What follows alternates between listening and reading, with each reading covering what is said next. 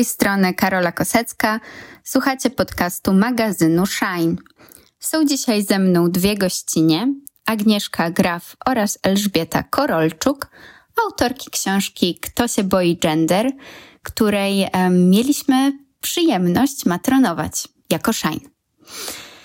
Książka została wydana przez krytykę polityczną ze wsparciem Ośrodka Studiów Amerykańskich Uniwersytetu Warszawskiego. E, witam bardzo serdecznie moje obie gościnie. Dzień dobry. E, I na początku chciałam zapytać, zadać takie pytanie o w ogóle kontekst tego gender, który pojawia się e, u Pań w książce bo mm, oczywiście jest, um, jest on przedstawiony w określonym kontekście, znaczy może nawet nie przedstawiony, tylko ten wątek jest poruszony w określonym kontekście. Na ten kontekst troszkę nas naprowadza tytuł, ale też jeszcze jest trochę tajemniczy. Um, tak, o to właśnie chciałam zapytać na wprowadzeniu. To ja mogę zacząć. E, gender w ciągu ostatnich 8-10 e, lat stał się takim potworem, takim e, strachem, który jest przywoływany w różnych kontekstach. A to politycy mówią o tym, że gender niszczy rodzinę, a to, że konwencja stambulska, czyli te przepisy, które mają na celu pomoc kobietom, które są ofiarami przemocy, to jest taki koń trojański, który przymyca ideologię gender. A to księża straszą przed tym, że jak dzieci dowiedzą się o tym, czym jest gender, to się seksualizują od razu i, e, i straszne rzeczy z tego wynikną.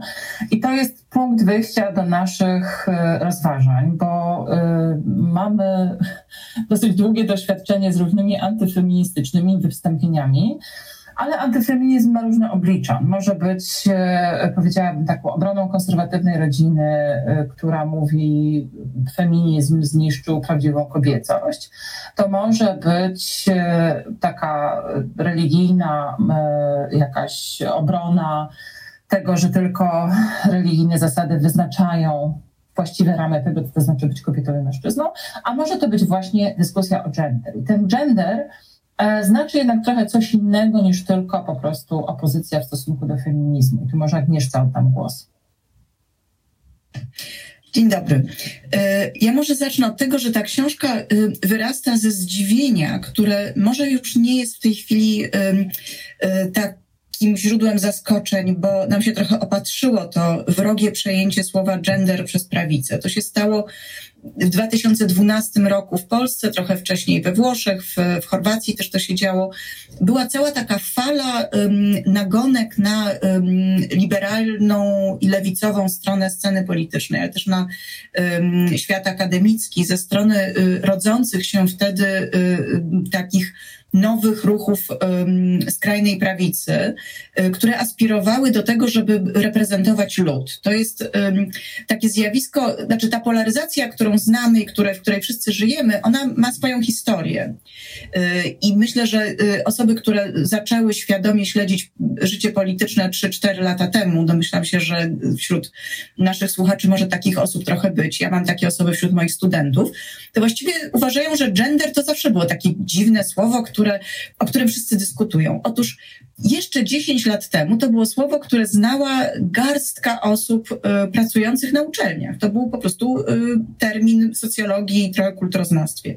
I nagle, y, i to była w moim doświadczeniu, powiedzmy, jesień 2012 roku, mm, nagle pojawiają się plakaty na ulicach, strzeż się gender, albo gender seksualizuje dzieci, albo strony internetowe z, z, dzieci, z przerażonymi twarzami dzieci mm, z napisem stop gender. I to było zdumiewające dla ludzi, którzy siedzieli w temacie. I na początku nam się to wydawało bardzo śmieszne. Y, no ale potem dość szybko przestało być śmieszne, zaczęło być groźne i od takiego momentu zagrożenia zaczyna się nasza książka. Opowiadamy o spotkaniu w kościele dominikanów, na które zostałyśmy zaproszone, y, na którym mm, wydawało się, że się odbędzie taki, tak, taka, taki dialog ponad podziałami, y, a grupa ekstremistów na, na hasło gender właśnie odpaliło granat dymny. I ta wojna z gender y, miała swoje kolejne odsłony, które my śledzimy w książce, nie tylko w polskim kontekście. Tym być może najbardziej znanym naszym słuchaczom będzie nagonka na tak zwaną ideologię LGBT.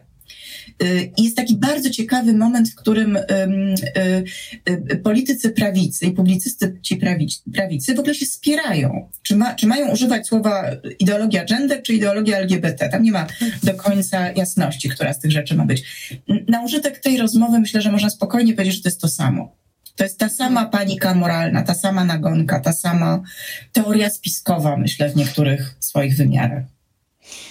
A jeśli po jednej stronie e, mamy właśnie rzeczywiście te ideologię gender i ideologię e, LGBTQ, to w takim razie e, po drugiej stronie e, tej, te, te, tego muru wojennego, co, co jest po drugiej stronie? Z czym, e, z czym ta ideologia gender ma walczyć według, według niektórych?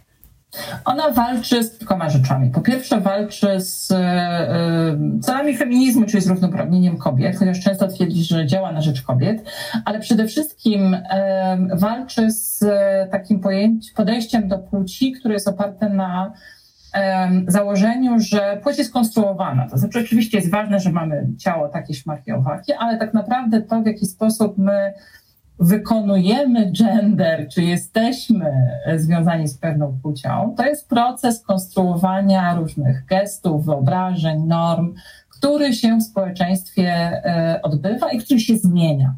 Czyli dla, dla prawicy, dla fundamentalistów religijnych, najgorsza chyba rzecz na świecie to jest powiedzenie, to, że płeć jest, jest konstruowana, jest pewnego rodzaju umową wokół tego, co to znaczy być kobietą, mężczyzną czy osobą niebinarną na przykład.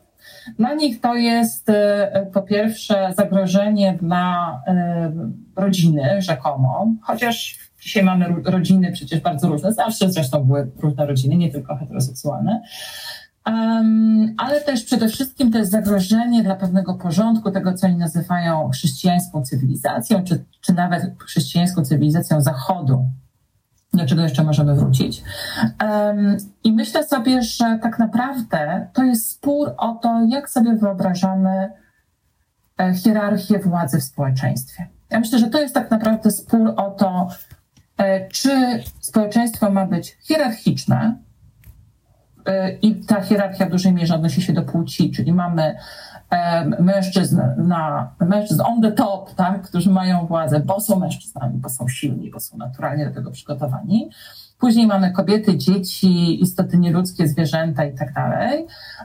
Czy też przyjmujemy taką o wiele bardziej egalitarną, równościową, solidarnościową wizję świata, w ramach którego każdy z nas ma, e, ma prawa, ma Także zwierzęta na przykład, tak, czy przyroda, mają prawa, mają, my mamy pewne obowiązki e, jako e, ludzie, którzy na przykład są obdarzeni pewnymi przywilejami do tego, żeby opiekować się innymi. Czy tą zasadą naczelną organizacji społeczeństwa ma być hierarchia i władza, czy ma być e, równość i solidarność? Ja myślę, że tak naprawdę, jakby miała to rozebrać na części pierwsze, to jest w dużej mierze spór o to, jak sobie wyobrażamy władzę w społeczeństwie, jak sobie wyobrażamy tę organizację organizację społeczeństwa. Ja może tylko dodam, że e, ja uwielbiam słowo spór i w ogóle lubię się spierać i dlatego poszłam do tego kościoła, e, z którego potem musiałam uciekać. Ale prawda jest taka, że to nie do końca jest spór czy dyskusja, dlatego że te dwie strony dawno przestały się słuchać, po pierwsze. To są dwa światy, dwie, dwie w ogóle sposoby myślenia, y, które niespecjalnie są siebie nawzajem ciekawe. Mm, a po drugie, zwłaszcza w Polsce, ta strona antygenderowa ma dostęp do mediów publicznych, ma dostęp do szkół, mm, ma po prostu władzę, więc y, ta, y, ta, ta krytyka ideologii gender w Polsce dość szybko przybrała formę agresywnej nagonki, mm, której częścią były po prostu prześladowania. To znaczy, myślę tutaj o agresji najpierw werbalnej, a potem fizycznej na osoby z mniejszości seksualnych, napiętnowanie edukatorów seksualnych. Mm, ostatnią odsłoną, to jest dosłownie ostatnie kilka dni temu, y, tego rodzaju zachowań czy no, prób zdyskredytowania przeciwnika politycznego jest słynna lista czarnka, mm, na której znalazły się dziesiątki organizacji pozarządowych, intelektualiści i tak dalej. I co jest ciekawe, to w tych nagonkach zawsze jest ten element, my bronimy dzieci przed czymś, co jest zepsuciem, co jest perwersją. I y, nasza książka jest taką próbą wzięcia głębokiego oddechu i przyjrzenia się, z czego to jest zrobione, jakie są motywacje, mm, jakie są mechanizmy, kto to robi, y, z kim, y, kto z kim współpracuje. I to jest dosyć skomplikowana mapa, mm, w której znaleźli się z jednej strony naprawdę świetnie przygotowani finansowo i zsieciowani religijni fundamentaliści i pełni dobrej woli rodzice dzieci, którzy na przykład naprawdę dali się przekonać, że gender jest zagrożeniem i organizowali rozmaite mm, pikiety, y, no, starali się przeciwdziałać czemuś, co uwierzyli, że jest zagrożeniem dla dzieci. Więc y, różnorodność tych y, działań jest ogromna. Mm, natomiast no, celem jest zdławienie zmiany społecznej, która dzieje się na naszych oczach. Ja myślę, że mówimy o bardzo silnej reakcji agresywnej, ale podszytej lękiem na zmianę społeczną, która naprawdę na naszych oczach y, następ, po prostu następuje. Ja mam 50 lat i pamiętam, kiedy po raz pierwszy w ogóle się dowiedziałam, że istnieją osoby nieheteronormatywne. To brzmi absurdalnie, bo sama od pięciu lat żyję w związku z kobietą i, i uważamy się za rodzinę i no, mam za sobą długą drogę ale ta zmiana naprawdę nastąpiła w ciągu mojego dorosłego życia. Mm, y, I myślę, że nie ma co się specjalnie dziwić, że znaczna część społeczeństwa i też władzy po prostu reaguje na nią y, taką, takim histerycznym lękiem. Natomiast ja tylko dodała, że to, co też my pokazujemy w książce, to jest moment, w którym ten lęk czy ten sprzeciw wobec zmianie, wobec zmiany, chyba tak powinnam to powiedzieć, staje się narzędziem politycznym. Myślę, że to jest dopiero moment, w którym zaczyna robić się naprawdę niebezpiecznie, bo dopóki się spieramy, e, różnimy w swoich opiniach, nawet bardzo różne grupy, na przykład w społeczeństwie obywatelskim, to jest jakby dla niektórych osób będzie to trudne, czasami pojawiają się treści dyskryminujące.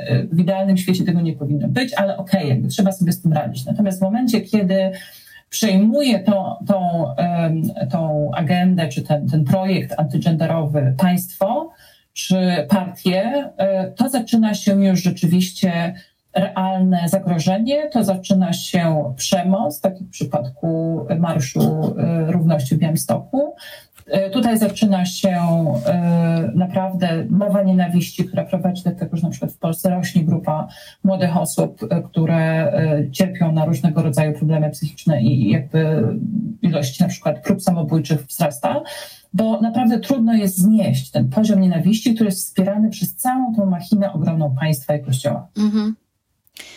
Wymieniłyście kilka takich e, momentów e, już podczas, e, podczas naszej rozmowy, które były w pewien sposób przełomowe i które warto jest w ogóle zaznaczyć na takiej mapie, jak ta wojna przeciwko gender przebiega, przebiegała i przebiega dalej. Ty, Elżbieto, właśnie przed chwilą wspomniałaś o Marszu w Białymstoku. Wcześniej ty, Agnieszko, mówiłaś o liście Czarnka i też o tym waszym doświadczeniu w ogóle z E, od, z kościoła z Domini, od Dominikanów, e, w którym w końcu nie doszło do dyskusji. I chciałam Was zapytać jeszcze właśnie o takie jakieś momenty e, przełomowe może, a może mm, po prostu, które, bez których z tą wojną gender nie doszlibyśmy jako społeczeństwo do tego momentu, w którym jesteśmy teraz. Ja myślę, że warto pamiętać, że w wojnie o gender nie chodzi o teorię konstrukcji płci, tylko chodzi o prawa z jednej strony mniejszości seksualnych, a z drugiej strony kobiet, głównie prawa reprodukcyjne. Te sprawy się łączą bardzo ściśle w prawicowych poglądach, konserwatywnych poglądach na temat płci i one się połączyły też w tym, tej historii, którą my opowiadamy.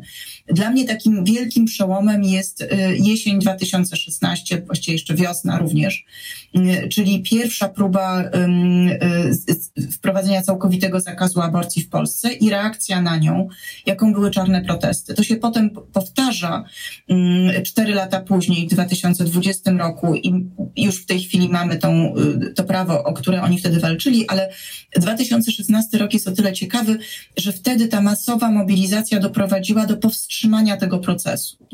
Późniejśmy się dowiedzieli, że na krótko i że jednak to już nie jest demokratyczne w państwo, w którym można kobiety obronić wychodząc na ulicę, ale to był wielki przełom i wielkie przebudzenie. I y, ostatni rozdział naszej książki dotyczy właśnie y, y, oporu przeciwko y, tej no tak, no tej fali y, prawicowego fundamentalizmu. Mm, ja bym jeszcze dodała 2012 rok, kiedy w Polsce bardzo świadomie, z rozmysłem y, wprowadzono, prowadzono taką panikę moralną wokół konwencji stambulskiej. To jest w ogóle bardzo ważny element, który łączy te kampanie w bardzo wielu krajach. To już jest w tej chwili opisane przez naukowców. Mm, w Bułgarii to robiono, w Rumunii to robiono, w Turcji już ta konwencja została wypowiedziana. Mm, to wydaje się być skoro skoordynowanym pomysłem y, na nie tylko y, pozbawienie kobiet ochrony przed y, przemocą, ale też naruszenie tego konsensusu, który w Unii Europejskiej funkcjonuje wokół praw kobiet. I stworzenie wokół równości takiej aury dziwnego zagrożenia i perwersji. To się w krajach tych, które później dołączały do Unii, zwłaszcza we wschodniej Europie udało, natomiast w Hiszpanii na przykład się nie udało, chociaż tam te kampanie były bardzo silne. Na przykład jeździły takie autobusy po, po Hiszpanii, które, które potem zakazano sugestią, że właściwie wszystkie y, oskarżenia o przemoc są y, sfingowane i że to jest y, walka z mężczyznami. To była taka ostra walka, ale no, Hiszpania jest krajem zachodnim, w którym pewne rzeczy nie przechodzą. Y, a w Polsce, Bułgarii, Rumunii przechodzą. Ja bym jeszcze dodała rok 2020 z dwóch powodów. Po pierwsze, to był moment, w którym e, nastąpiła taka bardzo, ona już przedtem się jakby budowała, taka bardzo silna reakcja oporu ze strony e, głównie młodych ludzi, środowisk LGBT, LGBTQ, które e, reagowały na tą potworną e, polityczną homofobię to jest moment, w którym pojawiły się takie, y, powiedziałabym też bardzo radykalne działania, gesty, y, które wyrażają i gniew, i w ogóle niezgodę na, na zabieranie praw, na taki moment po prostu, w którym państwo wspólnie z, z fundamentalistami religijnymi staje się po prostu oprawcą dla określonej grupy osób ze względu na ich tożsamość seksualną y, czy, czy identyfikację w tej sferze. I to jest też moment, w którym bardzo wyraźnie, y, chyba po raz pierwszy aż z taką siłą, pojawił się ten moment oporu wobec Kościoła. Tak, bo myśmy w 2000, tam nie pamiętam już 11 czy 12 roku robiły manifę na przykład, która się nazywała e, przeciąć pępowinę pomiędzy państwem a kościołem. Miałyśmy taką wielką różową pępowinę, którą wielkimi nożyczkami po prostu tam cięłyśmy. I wtedy wiele osób uważało, że to jest oburzające za takie rzeczy mówić, a nam chodziło po prostu o świeckie państwo. E, a teraz naprawdę pamiętam taką, tak, taki protest pod e, tutaj Pałacem Biskupim w Warszawie, namiotowe, gdzie się strasznie zimno było, padało jakiś w ogóle grudzień, e, ohydna pogoda. No trochę tam osób stało, no ale tak sobie stoimy, stoimy, już proces się zaczyna i przychodzą dwie młode osoby z takim pięknym, wymalowanym transparentem, który był owinięty właśnie w folię, żeby się nie zniszczył po drodze, bo właśnie padało takie coś jak dzisiaj, takie po prostu deszcz ze śniegiem i w ogóle obrzydlistwo. No i oni po prostu stanęli z takim pięknym transparentem właśnie odsłoniętym. Biskupie, nie trzymaj rąk w mojej dupie. Tak? Po prostu to było, znaczy nazwijmy to wprost, znaczy jeżeli ktoś chce ingerować w moje najintymniejsze e, sfery, no to po prostu nazywajmy to po imieniu, a nie tam się czaimy cały czas, że o, walczymy o, o prawa człowieka. No nie, nie, tak, walczymy rzeczywiście... to, żeby ktoś po prostu nie, nie, nie wchodził z butami do, nam do majtek. Więc jakby te bardzo ostre y, hasła, te y, protesty pod kościołami, te gesty, które mówiły my wiemy, że ten, e, że ten, e, że ta fala po prostu tego barbarzyństwa i, i, i nienawiści jest w dużej mierze inspirowana i zakorzeniona w fundamentalizmie religijnym, tak? po prostu w kościele katolickim. I nazwijmy to wreszcie po imieniu i zacznijmy wreszcie działać przeciwko tym, którzy to inspirują, którzy budują całą tą strukturę, która pozwala na, na, na prześladowanie po prostu młodzieży LGBT. Tak. Ten przełom rzeczywiście się y, dokonał w ciągu dekady. W tym samym roku, w którym była, y, to, to jest chyba po prostu ta sama manifa, mam w pamięci takie hasło, biskup nie jest Bogiem. Pamiętam, że była straszna afera. Warszawskie autobusy odmówiły, mimo że były na to jakieś pieniądze, powieszenia takich plakatów na, y, na, na tyle autobusów. One się wydawały obrazoburcze. Więc ta, ta zmiana, ta, ta gotowość młodego pokolenia do tego, żeby skonfrontować, y, y, konfrontować się z Kościołem katolickim. To jest efekt tych zmagań, o których my piszemy. Ale chciałam powiedzieć coś jeszcze. Jak się zastanowimy nad sensem dwóch kluczowych symboli ostatnich dwóch lat. Jeden to jest błyskawica strajku kobiet, a drugi to jest tęczowa flaga. I zastanowimy się, co te znaki znaczą, kiedy ludzie je na przykład wieszają w oknach. Y, otóż one nie są już w tej chwili tylko jednym z wielu frontów walki y, ludzi, którzy są przeciwnikami y, Prawa i Sprawiedliwości z władzą, którą używa, uważają za autorytarną. To się stało głównym frontem tej walki. Tak się wydarzyło i Moim, naszym zdaniem to się wydarzyło za sprawą właśnie tej wojny z gender, którą e, PiS rozpętał e, po to, żeby dojść do władzy po prostu. I w dużej mierze na tej fali e, doszedł do władzy, chociaż w 2015 roku też była sprawa oczywiście uchodźców. Mm, I ten podział, ta, ta, ta polaryzacja sceny politycznej i społeczeństwa, z którą mamy dzisiaj do czynienia, ona w dużej mierze po tej linii się rozgrywa. Y, I to jest być może oczywiste dla ludzi, którzy mają dziś lat 20, 25, 30, ale dla y, y, ludzi, którzy mają lat 30 więcej i mają realną władzę w mediach, w polityce, to jest ciągle coś, z czym oni nie są gotowi jakby uważają, że to, jest, że to, są, to są sprawy kulturowe że trzeba przeczekać, Polska jeszcze nie jest gotowa.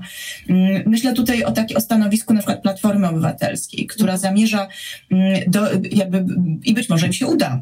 Y, to jest kwestia w końcu elektoratów, ale wierzą, że PiS można odsunąć do władzy, jeżeli się nie będzie za bardzo y, tych kwestii tak zwanych obyczajowych, jak oni je nazywają, drążyć. Czyli to jest, to jest strategia oparta na przekonaniu, że um, polskie społeczeństwo jest głęboko konserwatywne obyczajowo Y, i nie należy zadzierać z Kościołem, bo się nie dojdzie do władzy. To jest, to jest taki paradygmat, który towarzyszył całej transformacji w Polsce. Y, który się skończył, powiedzmy. Tak, z naszych badań wynika, że on się skończył. Nie tylko się skończył w tym sensie, że my uważamy, że on zawsze był fałszywy, tylko on się skończył w tym sensie, że młode pokolenie już tak nie myśli. Y, to, to szeroko rozumiany młody elektorat uważa te kwestie za absolutnie kluczowe. To są kwestie praw człowieka i demokracji, a nie obyczajówka. E, więc celem naszej książki jest e, nie tyle pokazanie jednego z aspektów tego, co się dzieje w Polsce, właśnie tej kwestii płci, e, praw kobiet, LGBT, ale pokazanie, jak bardzo to jest kluczowa sprawa dla współczesnej polskiej polityki i nie tylko polskiej. To jest w ogóle podział cywilizacyjny, to jest, to jest, to jest kluczowy front tego, co się do niedawna nazywało wojną kulturową, a teraz już jest chyba no, wojną o demokrację po prostu. A czy myślicie, że, że rzeczywiście tego młodego pokolenia wystarczy, żeby pokonać ten e, głos tego, jak to nazwałaś Agnieszko, tej, e, no, tej platformy obywatelskiej, tego środka, e, te, tych pokoleń, które jeszcze gdzieś myślą właśnie podobnie podobnie jak ta platforma, czyli że trzeba szukać czegoś pomiędzy, nie możemy poruszać e, tych tematów, e, które są dla młodego pokolenia najbardziej palące, bo wtedy stracimy głosy, e, powiedzmy, pokolenia moich rodziców. I myślicie, że rzeczywiście, powiedziałyście, że waszym zdaniem ten, ta, ta epoka się skończyła, że to, że to już się skończyło, to, to, to szukanie środka i to, że to jest obyczajówka. Tak? Czy wystarczy tego młodego pokolenia? Wiesz co, y, w sensie ilości osób, które głosują, nie starczy. To, to akurat jest tak, że w ogóle społeczeństwo się starzeje i generalnie jest tak, że jak patrzymy na ilość wyborców, na grupę wyborców, to tam w wieku 18 24 to jest tam, nie wiem, już nie pamiętam, milion, dwa miliony, a po 60 to jest 8 czy 9 milionów, więc to jest jakby o wiele większa grupa. Tylko moim zdaniem e, dziadersi, nazwijmy to wprost, nie rozumieją tego, że zmienia się w tej chwili logika tej walki politycznej. To znaczy ludzie tacy jak Tusk jakby cały czas biegną na tym swoim białym koniku w poszukiwaniu środka, sądząc, że można zbudować partię środka w sytuacji dramatycznej polaryzacji. Podczas gdy w tej chwili bardzo wyraźnie widać, że Środ, środek, środek nie głosuje, jeżeli on w ogóle istnieje. E, a to, co jest bardzo istotne, to jest po pierwsze mobilizacja swojego elektoratu potencjalnie, tak, czyli tego już, który wierzy w pewną nową wizję rzeczywistości, i demobilizacja, czyli e, wzmocnienie poczucia porażki i przegranej u oponentów politycznych. I oczywiście jako socjolożka uważam tą dynamikę polaryzacji za bardzo niebezpieczną i chciałabym, żeby pracować nad, nad rozpuszczeniem tego, bo uważam, że w ogóle ludzie są o wiele bardziej skomplikowani niż tylko prawo-lewo czy progresywiści, konserwatyści. Ale jak myślę o logice walki politycznej, no to tu mamy ogromny problem. Mam wrażenie, że, że przywódcy z tego takiego liderskiego pokolenia, szczególnie rodowodu, po prostu tego nie widzą. I y, decydują się na takie właśnie poszukiwanie tego środka nie dlatego, że to jest realnie dobra strategia polityczna, tylko dlatego, że w ich światopoglądzie nie mieści się sytuacja, w której świat się aż tak bardzo zmienił. Hmm. E, I to mnie bardzo niepokoi. To znaczy, y, to, że tak wielu ludzi nie rozumie, że kwestie związane z seksualnością, posiadaniem, nieposiadaniem dzieci, kwestiami związanymi z tożsamością i tak dalej, to są zupełnie podstawowe sprawy. One zawsze zresztą były, tylko kiedyś były inaczej nazywane. Tak? Konserwatywne wartości przecież do, tego właśnie do, dotyczą. Tak jak wyobrażamy sobie rodzinę, jak wyobrażamy sobie społeczeństwo, reprodukcję i tak dalej. Natomiast dzisiaj um, mam wrażenie, że ten w dużej mierze też to zależy od młodych ludzi, to znaczy od tego, na ile oni będą w stanie y, się mobilizować, na ile będą w stanie budować różne grupy, networki, instytucje, które będą starały się docierać i wpływać na struktury polityczne, takie jak struktury partyjne, które są takimi ociężałymi po prostu mastodontami, ale jednak trzeba i warto próbować. I na ile też y, będzie tutaj mobilizacja po prostu y, wyborcza, bo w ostatnich wyborach prezydenckich, jak pamiętam, rzeczywiście te, ten najmłodsze pokolenie się mocno zmobilizowało. To była chyba największa frekwencja wyborcza, tam powyżej 60%, o ile dobrze pamiętam. E, I naprawdę trzeba dążyć do tego, żeby zmobilizować po prostu no, 100%. Bo, bo, bo na tym to polega, tak? Na mobilizacji nas i demobilizacji tych, z czym się nie zgadzamy. Agnieszka, chcesz coś tak. tak, ja, znaczy my właściwie w kółko powtarzamy to samo na różne sposoby, mając nadzieję, że za którymś razem to zażre. Mm, y, I nasza, nasza teza, ona może być w pierwszej chwili się wydawać skomplikowana, czy jakaś taka y, niejasna. Y, ona dotyczy relacji między polityką tożsamości a, po, a politykami ekonomicznymi w wyobraźni, powiedzmy, platformerskiej, te sprawy są zupełnie odrębne. Tak? Tu mówimy o ekonomii, a tu mówimy o obyczajówce. Y, a, jeszcze w dodatku jest sprawa polityczna, czyli obrona demokracji. Póki te trzy rzeczy się trzyma osobno, y, to y, nie ma się żadnych szans z populistami. Dlatego, że prawica, prawica populistyczna niesłychanie umiejętnie te trzy sfery połączyła. To znaczy, udało im się przekonać ludzi y, o niższych dochodach, y, niższych takim poziomie, powiedzmy, sukcesu życiowego, tak jak go się rozumiało w transformacji, że y, odzyskają godność poprzez walkę właśnie z gender, czyli z mniejszościami seksualnymi. I udało się ich przekonać, że dla tej walki i dla tego odzyskania godności warto poświęcić demokracji, mówiąc najprościej. Tak? Czyli mamy mm, ludzi, powiedzmy, w postpegierowskich wsiach na Podlasiu, może akurat trochę za daleko pojechałam, bo tam to pewnie tak bardzo y, wiele osób nie głosuje, ale powiedzmy w, w Polsce małomiasteczkowej, mm, która w dużej mierze przegrała na transformacji, którzy byliby skłonni głosować na partię środka i, i nie mają nic przeciwko demokracji, ale y, te osiem lat rządów Platformy było dla nich wielkim rozczarowaniem, ponieważ nie brano pod uwagę ich poczucia krzywdy związanej właśnie z procesem transformacji, czyli ekonomicznych roszczeń. I też nie dawano im specjalnie pomysłu na y, taką opowieść o, o godnym życiu, y, o rodzinie i tak dalej. PiSowi się udało stworzyć bardzo spójną, naszym zdaniem bałamutną, ale spójną i przekonującą opowieść o tym, że jego elektorat, pisowski elektorat, został oszukany, zdradzony, upokorzony przez liberalne elity. I tym liberalnym elitom dopisano łatkę LGBT. Takim, myślę, bardzo ciekawym momentem, kiedy ta kampania była najbardziej widoczna i najbardziej skuteczna też, było przed ostatnimi wyborami prezydenckimi.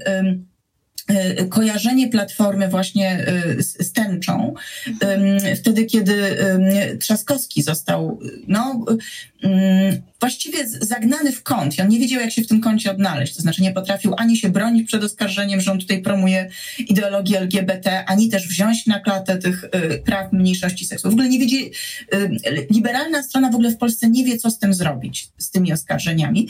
A PiS na tym koniu pojechał dość daleko. To znaczy uruchomił y, drzemiącą znacznej części Polski mm, homofobię po to, żeby przejąć władzę w kolejnym już prezydenckim mm, I My pokazujemy, że jeżeli lewica i strona liberalna nie nauczy się y, o tych sprawach mówić otwarcie, y, ale też z braniem pod uwagę ich konsekwencji ekonomicznych, bo te prawa kobiet to nie są tylko kwestie obyczajowe, to są kwestie bardzo konkretne, związane na przykład z polityką opiekuńczą.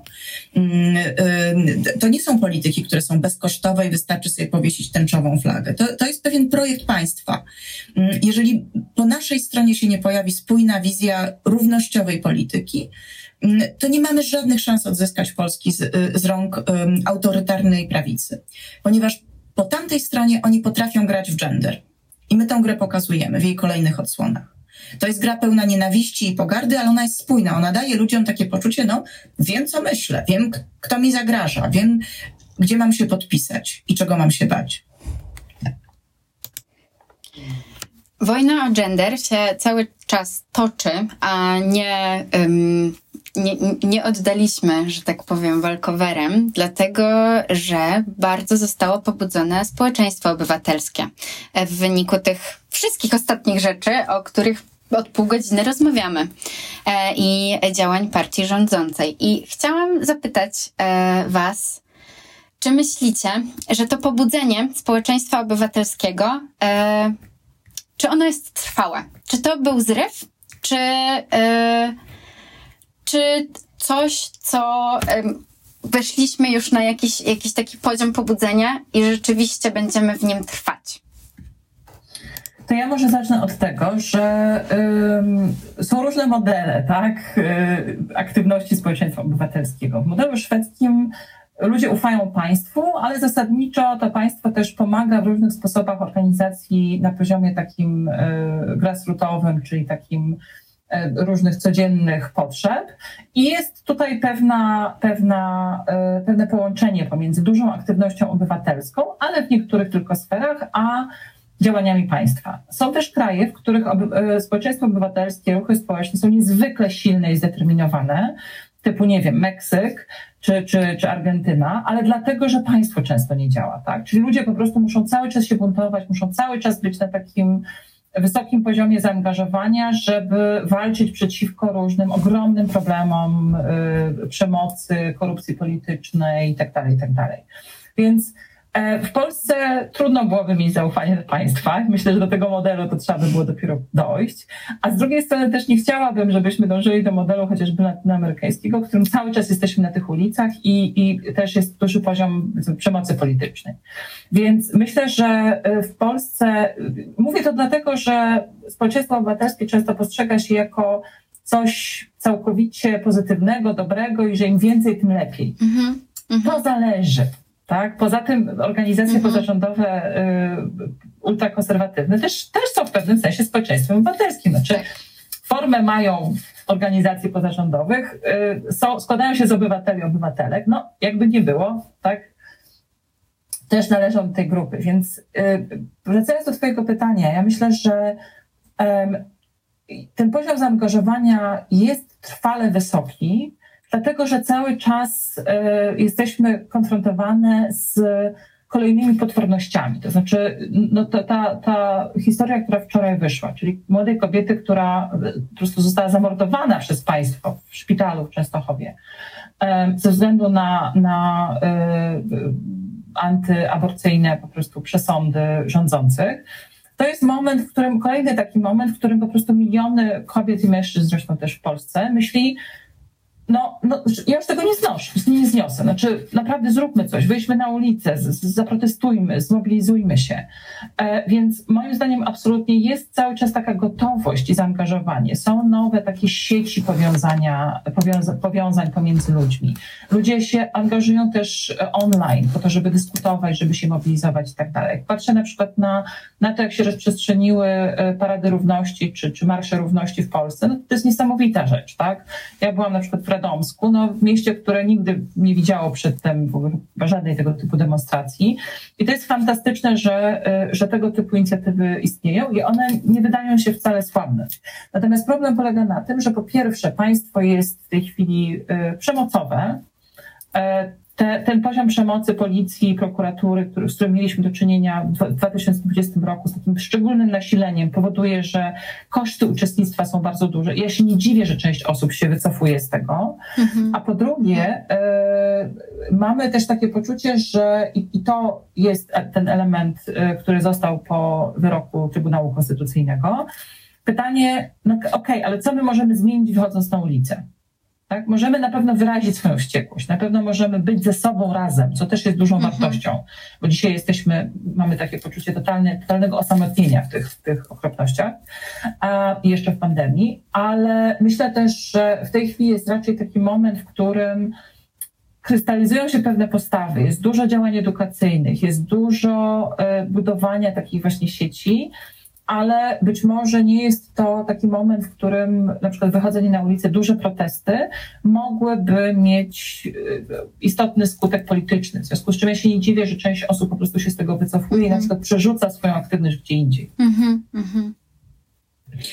Tak, ja myślę, że y, używanie określenia organizacje pozarządowe czy społeczeństwo obywatelskie jest coraz bardziej, y, to jest coraz bardziej nieadekwatne określenie tego, z czym mamy do czynienia. To znaczy y, NGOs y, można krytykować, można chwalić, ale to są organizacje, których y, celem jest uzupełnianie państwa, y, uzupełnianie pewnych działań państwa, które działają zbyt słabo, tak? Działalność po pomocowa, wzmacniająca demokrację. My jesteśmy w sytuacji już w tej chwili y, autorytarnej władzy, y, która ma swoje koncesjonowane organizacje i twierdzi, że to jest społeczeństwo obywatelskie, no ale de facto mm, bardzo wiele organizacji pozostało bez jakiegokolwiek wsparcia, a nawet pod wielką presją państwa, tak jak w przypadku tych, które się znalazły na liście czarnka. I myślę, że sensownie jest używać określenia opozycja demokratyczna. Ja pamiętam um, lata 80. Um, i na przykład kółka samokształceniowe, które wtedy funkcjonowały. Um, I nikt się wtedy, y, y, ludzie, którzy byli zaangażowani w ten ruch kółek samokształceniowych, nie oczekiwali, y, że zostaną te kółka zalegalizowane albo że będą wpuszczane do szkół. To była działalność no, antypaństwowa, po prostu opozycyjna. Y, co zresztą było częścią takiego fanu, który temu towarzyszył. Mm, y, ja funkcjonuję w tej chwili w takim obiegu młodych ludzi, którzy próbują stworzyć y, sieć wykładów, debat, takich edukacyjnych przedsięwzięć w szkołach. To jest organizacja, która ma status stowarzyszenia i ma dostęp do szkół i na razie jeszcze nie jesteśmy na tej liście czarnka. Myślę, że się panowie nie zorientowali, że my istniejemy, bo dopiero nam się udało z, zarejestrować, ale my oczywiście nie przestaniemy działać, jeżeli się na tej y, liście znajdziemy. Po prostu będziemy szukać innych form. I myślę, że to poczucie, że działalność społeczna wymaga odwagi, ona w waszym pokoleniu już jest oczywista. To, to, że tak jest po prostu, że macie za sobą doświadczenie kotła, w którym policja zamknęła młodych ludzi, przemocy policji. To już jest inna epoka. To nie jest liberalna demokracja, w której działamy społecznie i wpisujemy to sobie do CV, żeby potem lepiej zafunkcjonować na rynku pracy. No, no jest to walka z autorytarną władzą. Y, I na ile waszemu pokoleniu, y, mówię tutaj właśnie o ludziach, którzy teraz są studentami albo na początku dorosłości, starczy tej odwagi i wytrzymałości, to jest dla mnie bardzo ciekawe, bo to jest pokolenie, które skądinąd jest bardzo, mm, no, wyrastało w takim poczuciu bezpieczeństwa i y, dobro, dobrobytu mm, i takiej nawet powiedziałabym wrażliwości na punkcie swoich, y, no, też emocjonalnych y, spraw. Bezpieczeń poczucie bezpieczeństwa jest bardzo ważne dla Was. Ale myślę, że to się zmienia na naszych oczach, że tutaj się zadziała się już jedna rewolucja, którą ewidentnie to pokolenie zrobiło. Myślę tu o protestach 2020 Myślę, że czekają nas kolejne, ale nie nazywałabym tego społeczeństwem obywatelskim. To jest bunt. Mhm. Właśnie, e, właśnie jedna rzecz, o którą chciałam dopytać, to jak pani Elżbieta, pani odpowiadała w kontekście społeczeństwa obywatelskiego, bo ja użyłam tego określenia i powiedziałaś, powiedziałaś, że e, że właściwie po drugiej stronie też mamy społeczeństwo obywatelskie, bo te osoby, które się zgadzają z e, partią rządzącą, też są społeczeństwem obywatelskim. E, I mm, w Waszej książce e, są też fotografie wykonane przez Was, chyba głównie przez Ciebie, Elżbieta, z tego, co, na co zwróciłam uwagę, które są właśnie z tych, z tych wydarzeń również z drugiej strony, i z jednej, i z drugiej. I chciałam zapytać, jak, jak się czułyście, czy jak się czułaś, bo właśnie nie jestem pewna, czy to jest pytanie do Was obu, czy tylko do Elżbiety, mm, doświadczając tej, te, te, jednego i drugiego, doświadczając tych obu strumieni, tej, tej, tej polaryzacji, w której z jednym się zgadzasz, z drugim nie, bo myślę sobie, że to musi być no jakieś też trudne. E, wiesz co, ja nie odczuwam tego jako jakiejś dużej trudności. W sensie, e, tutaj też osobista wycieczka, to znaczy ja akurat pochodzę z, spod Białego Stoku, z, z rodziny bardzo katolickiej i część mojej rodziny nadal jest bardzo, powiedziałabym, tradyc- bardzo tradycyjne poglądy i jest zaangażowana w Kościół i i na przykład głosuję na PiS, więc tam mamy różne trudne rozmowy. E, I powiem szczerze, że czy ja na przykład rzeczywiście odczuwam dużą niechęć do ludzi, którzy mają władzę i robią różne straszne rzeczy i manipulują i, i e, używają mowy nienawiści. Natomiast to, co myślą jakby ludzie, którzy w różny sposób się w to angażują, jest dla mnie ciekawe. To znaczy, to, to jest chyba taki, taki naczelny element naszej książki z Agnieszką, e, naszej postawy też wobec tego materiału, który analizowałyśmy, to znaczy postawy raczej zaciekawienia, a nie moralnej oceny. Mhm. Natomiast e, w praktyce to są różne ciekawe historie, to znaczy no, są osoby, które na przykład odmówiły mi wywiadów czy rozmowy ze mną, e, bo uznały, że nie będę obiektywna. I mają do tego prawo, tak? Uważam, że lepszym rozwiązaniem jest jednak rozmowa niż jej brak, no ale jakby to już każdy sobie decyduje na, na własny rachunek. E, bywały różne zabawne historie, e, jak ostatnio na otwarciu kolegium Intermarium, gdzie byłam ze studentką moją, która, której jestem mentorką. No i tak sobie tam siedzimy, tam jakieś są przemowy, minister taki, śmaki, sekretarz po sekretarz stanu. No i tak siedzimy, siedzimy i w pewnym momencie jest wykład akurat pana z Ameryki, który zaczyna mówić y, o tym, że noszenie maseczek to jest medical jihad, czy coś w tym stylu. I my tak patrzymy na siebie, okazuje się, że jesteśmy na tej sali jedynymi osobami w maseczkach. Oh, no. Więc jakby zostałyśmy natychmiast zdemaskowane po prostu bez, bez oh, no. żadnych wątpliwości, że nie jesteśmy z tego towarzystwa. Um, więc czasami to jest rzeczywiście bardzo, bardzo śmieszne w gruncie rzeczy, mm -hmm. a czasami to jest bardzo ekscytujące, tak jak w, w, Weronie, gdzie byłam na zjeździe E, Światowego Kongresu Rodzin i tam było w ogóle tam dużo osób było z Włoch i z różnych innych krajów, polityków, e, biskupów, różnych tam. E, było też trochę osób z takiej dziwnej arystokracji, takie niedobitki, zombie arystokracji po prostu, tak? rodziny, które mają cały czas jakieś wpływy i majątki w Europie. I tam z kolei rzeczywiście miałam takie poczucie, że jestem wśród osób, z, z którymi bardzo dużo mnie dzieli. I przyglądałam się temu też z takim poczuciem niepokoju, że to ma aż, aż taki rozmach, takie znaczenie. No ale później też, jak rozmawiałam z różnymi osobami, które to badają i analizują, no to po prostu okazuje się, że chyba tam, nie wiem, jedna piąta osób na tej sali to po prostu były osoby, które to badały, bo mm. z kim nie rozmawiam, to każdy tam był, więc więc się zastanawiam, no nie wiem, 600 osób było na tej sali, myślę tak, co najmniej 50 to, to były badacze i badaczki, więc, więc było to bardzo zabawne. Więc, e, więc myślę sobie, że y, taka perspektywa analityczna pomaga przy tym, bo po prostu zastanawiasz się, co tu się dzieje, jak, jak to się robi, kto to robi i tak dalej. I w pewnym sensie to pomaga też w takim E, podejściu trochę z poziomu wyżej, takim złapaniu dystansu. E, chociaż tak jak mówię, no czasami to bywa trudne, bo e, szczególnie jeżeli ktoś mówi właśnie, wyraża wprost takie, nie wiem, homofobiczne albo mizoginiczne treści, mhm. no to wtedy tak, wtedy się już po prostu pojawia gniew czy, czy, czy poczucie, że także nie chcemy tu być, po prostu nie chcemy w tym uczestniczyć. Mhm. Tak, ja rzeczywiście oddaję honor, mam wielki podziw i wielką wdzięczność też, bo bez tego by nie było naszego projektu y, dla Eli, że jest gotowa na te wycieczki w różne dziwne miejsca. Y, ja y, spędziłam bardzo dużo czasu w internecie, słuchając wykładów, dyskusji, śledząc fora internetowe.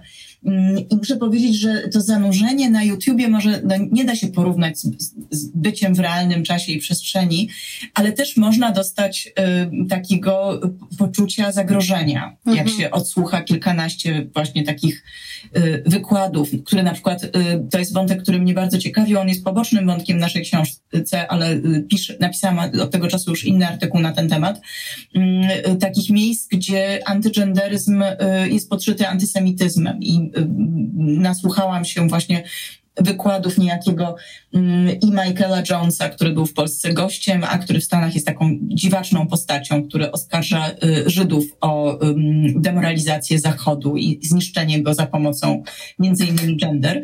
Mm, I to są rzeczywiście takie klimaty, te, teoria spiskowa w działaniu, y, kiedy uświadamiamy sobie, że mamy do czynienia mm, y, z, z ludźmi, z fanatykami, którzy naprawdę wierzą w to, co mówią, którzy są przekonani, że świat zmierza ku zagładzie, z powodu y, ruchów LGBT i którzy naprawdę mm, toczą świętą wojnę i w tym momencie uświadamiam sobie, kurczę, oni toczą tą wojnę świętą ze mną.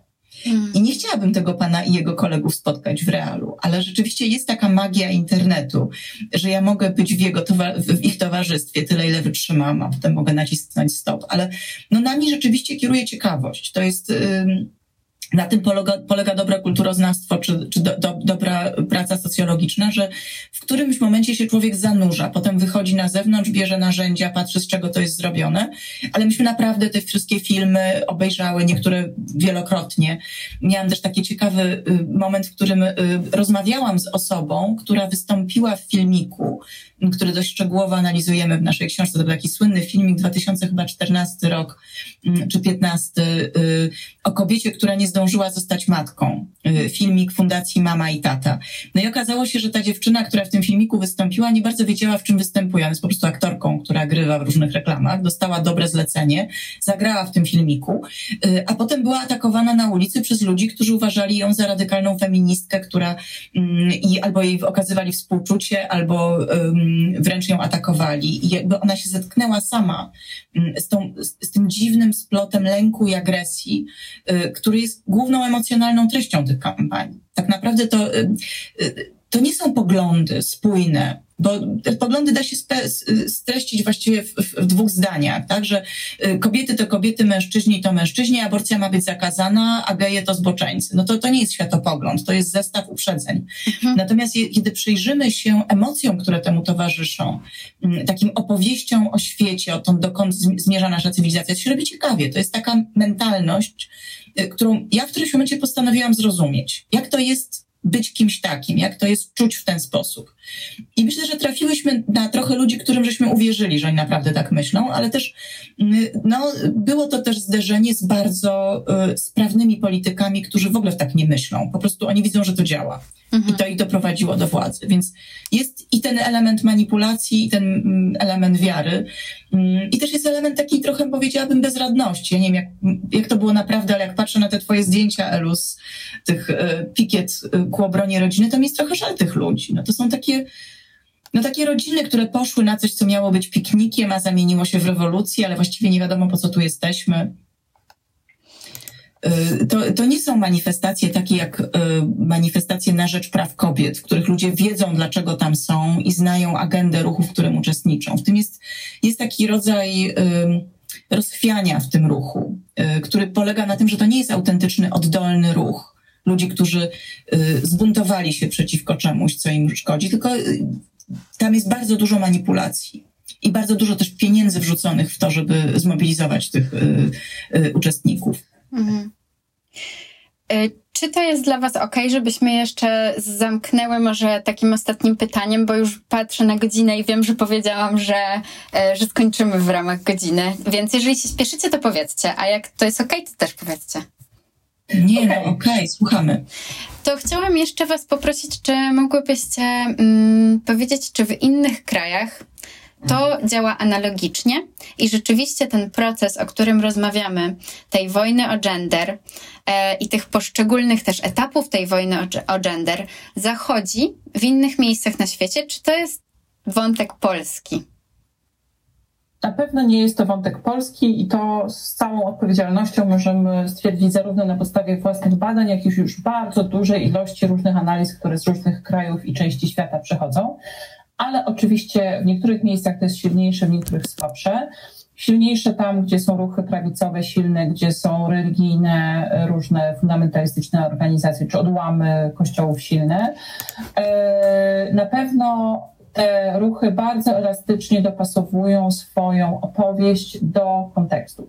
Tak robią wszystkie ruchy społeczne tak? Jak myślimy tak o tworzeniu takiej ramy interpretacji rzeczywistości, to ona musi zawsze zawierać takie elementy, które ludzie znają, z którymi się zgadzają. Więc w Polsce e, zarzutem wobec studiów na przykład nad płcią i seksualnością będzie to, że one są e, że one proponują taki właśnie konstruktywistyczny e, pogląd na płeć i że są właściwie pewnego rodzaju bluźnierstwem wobec praw religijnych, a w Szwecji e, e, Iwan Arpi, taki znany intelektualista czy, czy, czy, e, czy dziennikarz, wydał już chyba ze dwie nawet książki o tym, że e, gender studies to jest po prostu rodzaj parareligijnego szaleństwa, i że to się opiera tylko na wierze, a nie na y, analizach naukowych i dlatego musimy się tego pozbyć. Więc bardzo wyraźnie widać, że te argumenty są różne y, i oczywiście ten ruch antygenderowy w Szwecji jest nieporównanie słabszy w porównaniu z Polską, ale też istnieje. Um, I też w różnych krajach są jakby różne punkty, które są najbardziej zapalne. W Polsce my mamy oczywiście nieustannie tę kwestię aborcji, E, podczas gdy w innych krajach, czasami na przykład we Francji, to e, o wiele większym stopniu dotyczy na przykład nowych technologii reprodukcyjnych, mhm. tak? I, czyli in vitro i tak dalej, surrogacji też szczególnie, bo tam są duże debaty na ten temat.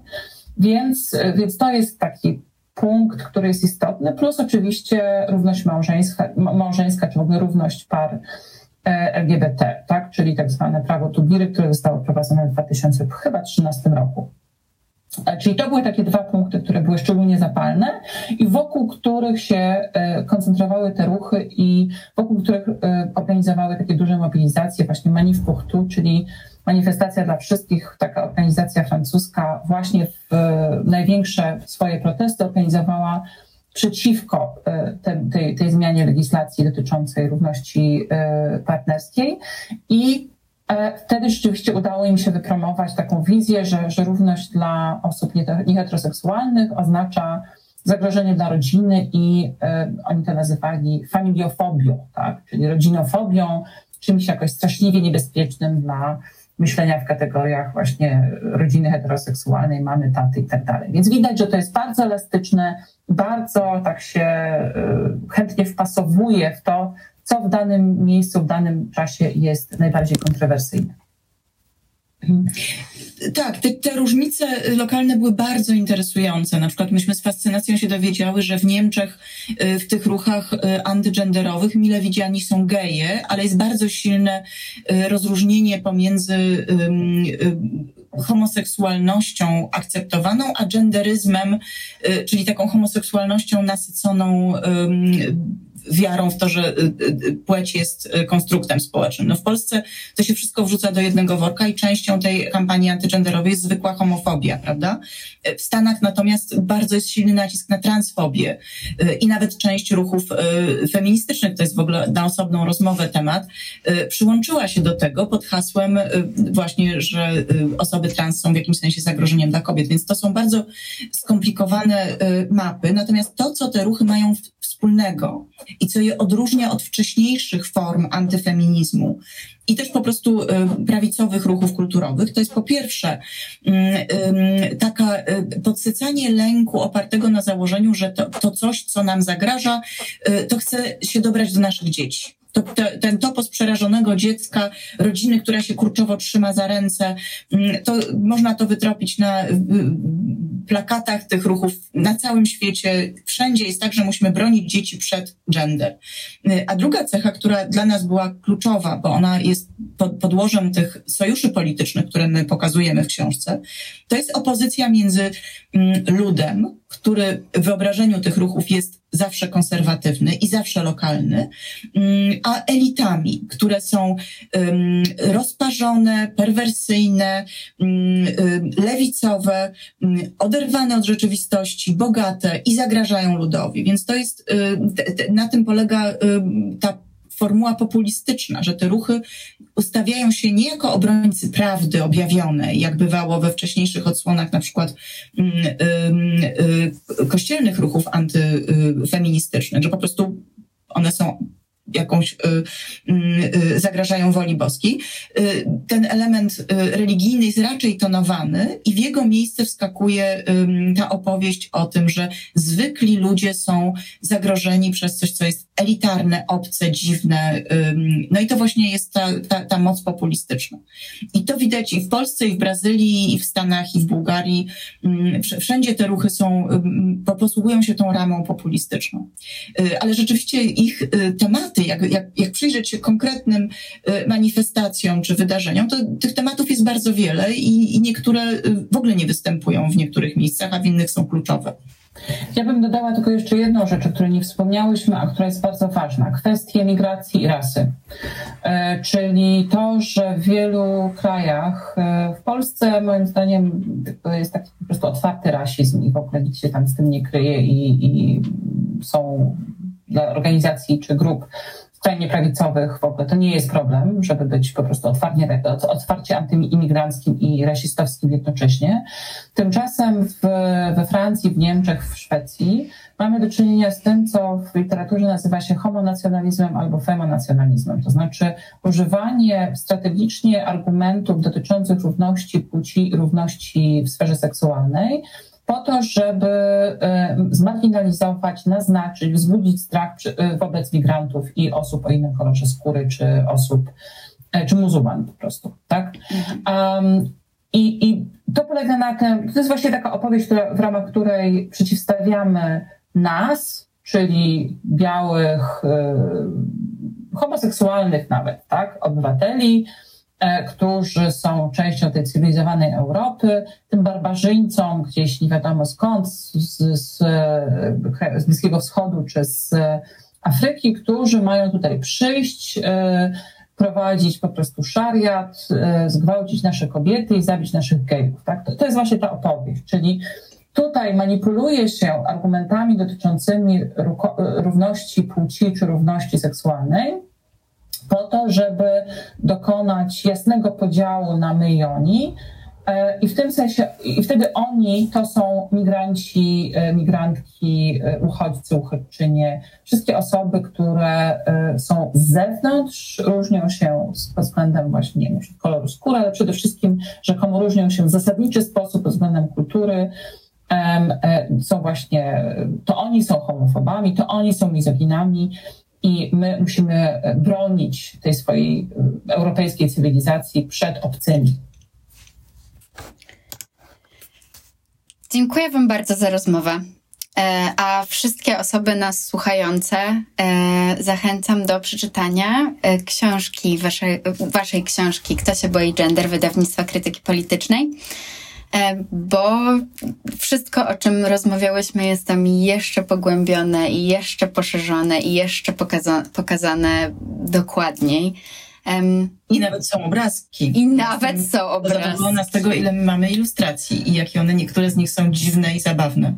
To prawda, są, są, są, są super. Są bardzo ilustrujące wszystko, co pada w słowach. E, dziękuję. Bardzo Wam dziękuję.